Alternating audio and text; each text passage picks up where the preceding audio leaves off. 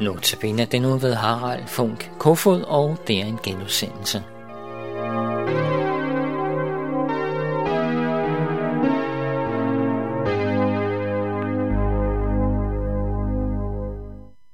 Vi skal i dag høre om, at Jesus får til himlen. Det vi øh, bekender i slutningen er anden trosartikel. Lad os begynde med at bede.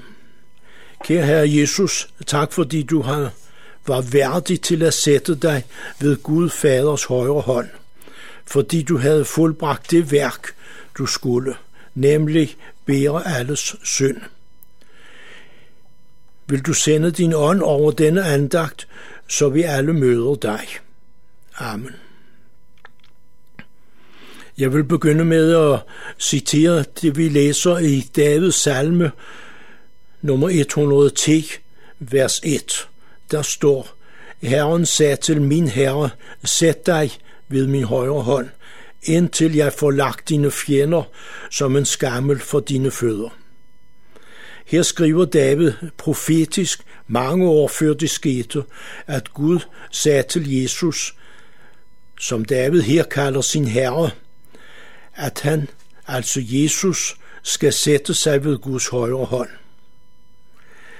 I Lukas evangeliet læser vi i øh, kapitel 24, vers 50-53, han, det er altså Jesus, tog dem, det er disciplene, med ud af byen, det er ud af Jerusalem, hen i nærheden af Betania, og løftede sine hænder og velsignede dem. I det han velsignede dem, skiltes han fra dem og blev båret op til himlen.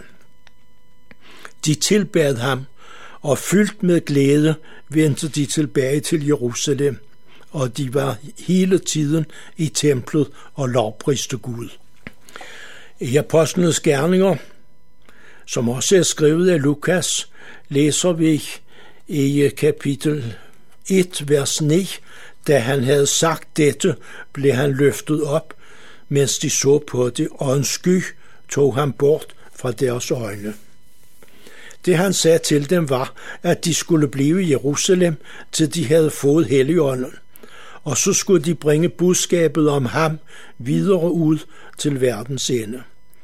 Det er missionsbefalingen, som vi også kalder dåbsbefalingen, som bliver læst hver gang, at der er dåb i kirken.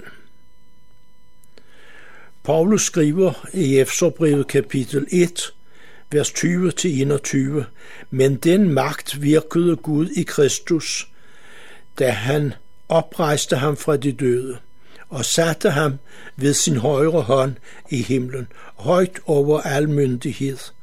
Magt, kraft, herskermagt og hvert navn, som nævnes kan, ikke blot i denne tidsalder, men også i den kommende. Og i Filipperbrevet skriver Paulus, kapitel 2, vers 9-11, Derfor skal Gud højt ophøje ham, og skænket har Gud højt ophøjet ham, og skænket ham navnet over alle navne, for at i Jesu navn hver knæ skal bøje sig i himlen og på jorden og under jorden, og hver tunge skal bekende, Jesus Kristus er Herre til Gud Faders ære. Disse citater fra Paulus' breve minder os igen om, at Jesus er faret op til himlen. I Hebræerbrevet kapitel 10 læser vi i vers 12 og 13. Men denne præst har frembåret et eneste evigt gyldigt offer for synder, og derefter taget sæde ved Guds højre hånd, hvor han kun venter på, at hans fjender skal blive lagt som skammel for hans fødder. Når Gud siger til Jesus, at øh, han skal sætte sig ved hans højre hånd, er det et tegn på, at han har udført det, han var bestemt til, og som han var villig til at gøre, nemlig at zone alle menneskers synd.